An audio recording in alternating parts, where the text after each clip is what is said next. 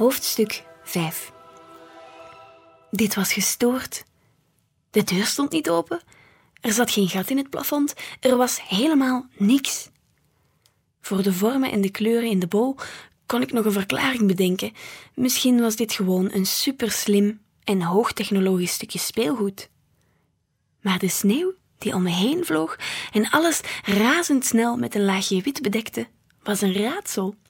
Een kanjer van een raadsel. Mijn mond ging open en dicht. Ik wilde opa roepen, maar toch ook weer niet.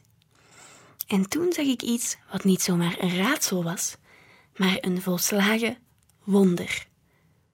De muren van de winkel ebden weg, met zachte, golvende bewegingen, zoals in een film waarin iemand begint te dromen.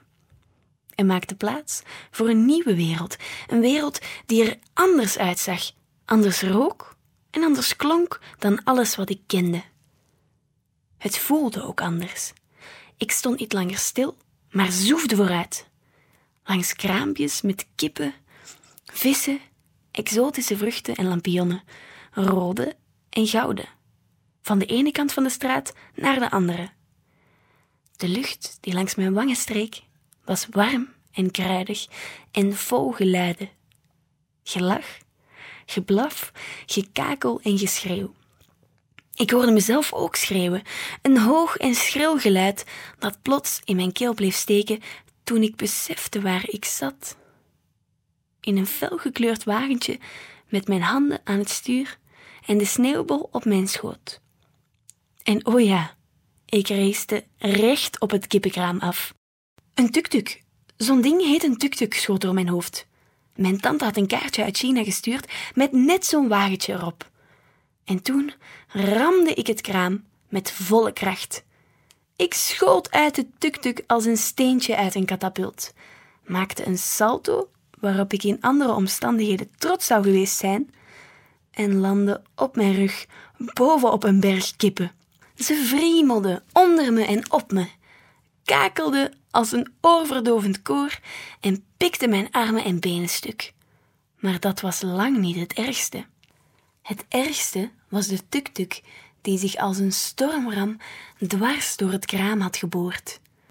Ik keek omhoog en zag de planken en doeken langzaam loskomen en inklappen. Eén voor één, tot er van het kraam niks meer overbleef dan één enorme puinhoop. Toen het gekletter en gekraak voorbij waren, de meeste kippen kakelend waren weggestoven en alle pluimen neergedaald, was het akelig stil. Voor heel even. En toen werd het allemaal nog een pak erger.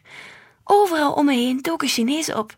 Ze wezen en fluisterden, lachten en schreeuwden, en een van hen, zo groot en zo woest dat ik er niet aan twijfelde dat hij met de simpelste armzwaai de hele Chinese muur aan splinters kon slaan, maakte zich los uit de menigte en kwam naar me toe. Hiokang, brulde hij, wat wel duizend en één dingen kon betekenen. Dingen als rotkind of vandaal of smerige boef. Alles behalve wat prettig om je op bezoek te hebben. Dus ik krabbelde zo snel als ik kon achteruit, wat niet zo makkelijk was met al die pikkende, krabbende, kakelende pluimenmassa om me heen.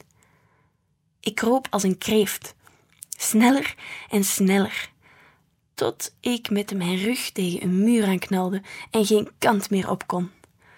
Voor mij naderde de woeste Chinees. Achter mij was een muur. Rondom mij krioelden genoeg kippen voor een feestmaal van tien gangen en naast mij Vlak naast mij lag de sneeuwbol. Hij zag er opnieuw volstrekt onschuldig uit, met een huisje en een weggetje in een landschap van sneeuw. Maar dat ding had me tot hier gebracht, dus wie weet. Ik pakte hem op, met twee handen om de bol heen. En opnieuw veranderde de vloeistof van kleur en maakte het huisje plaats voor de wereldbol.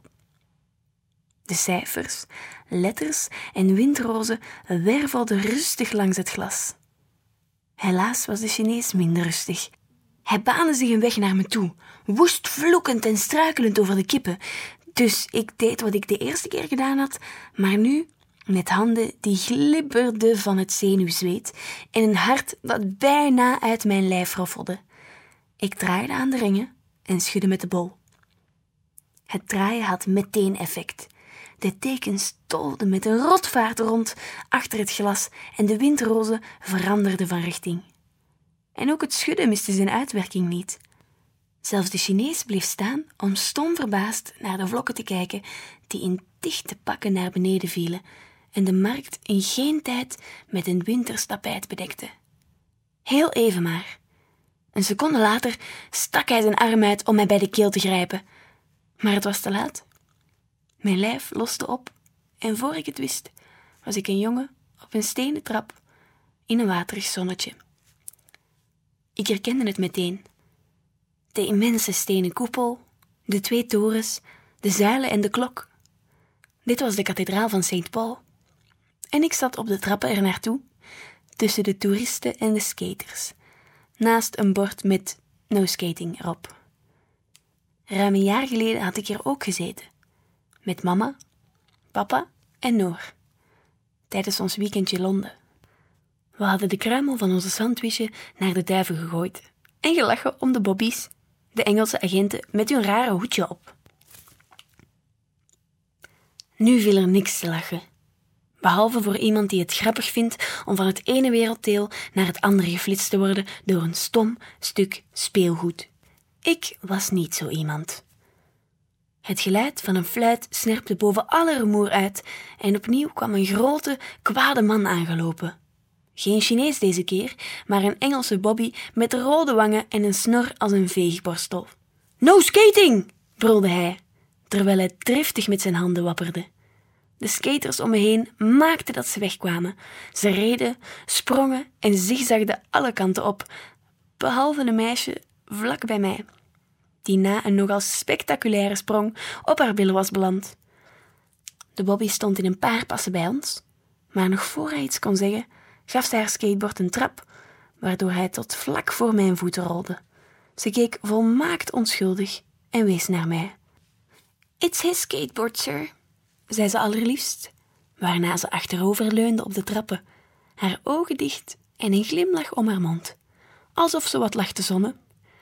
De agent boog voorover om mijn arm te grijpen, maar ik krabbelde alweer overeind en rende weg, zo snel als mijn benen me dragen konden, recht naar de ingang van de kathedraal. Ik wurmde me naar binnen door de troep toeristen heen, langs dikke winterjassen en flitsende gsm's, over de zwart-witte tegels en de grote ster op de vloer onder de koepel, tot aan het altaar. Ik dook onder het dikke witte kleed en terwijl ik de agent hoorde schreeuwen en zijn voeten hoorde bonken op de vloer, draaide en schudde ik voor de derde keer. Ik sloot mijn ogen en wachtte.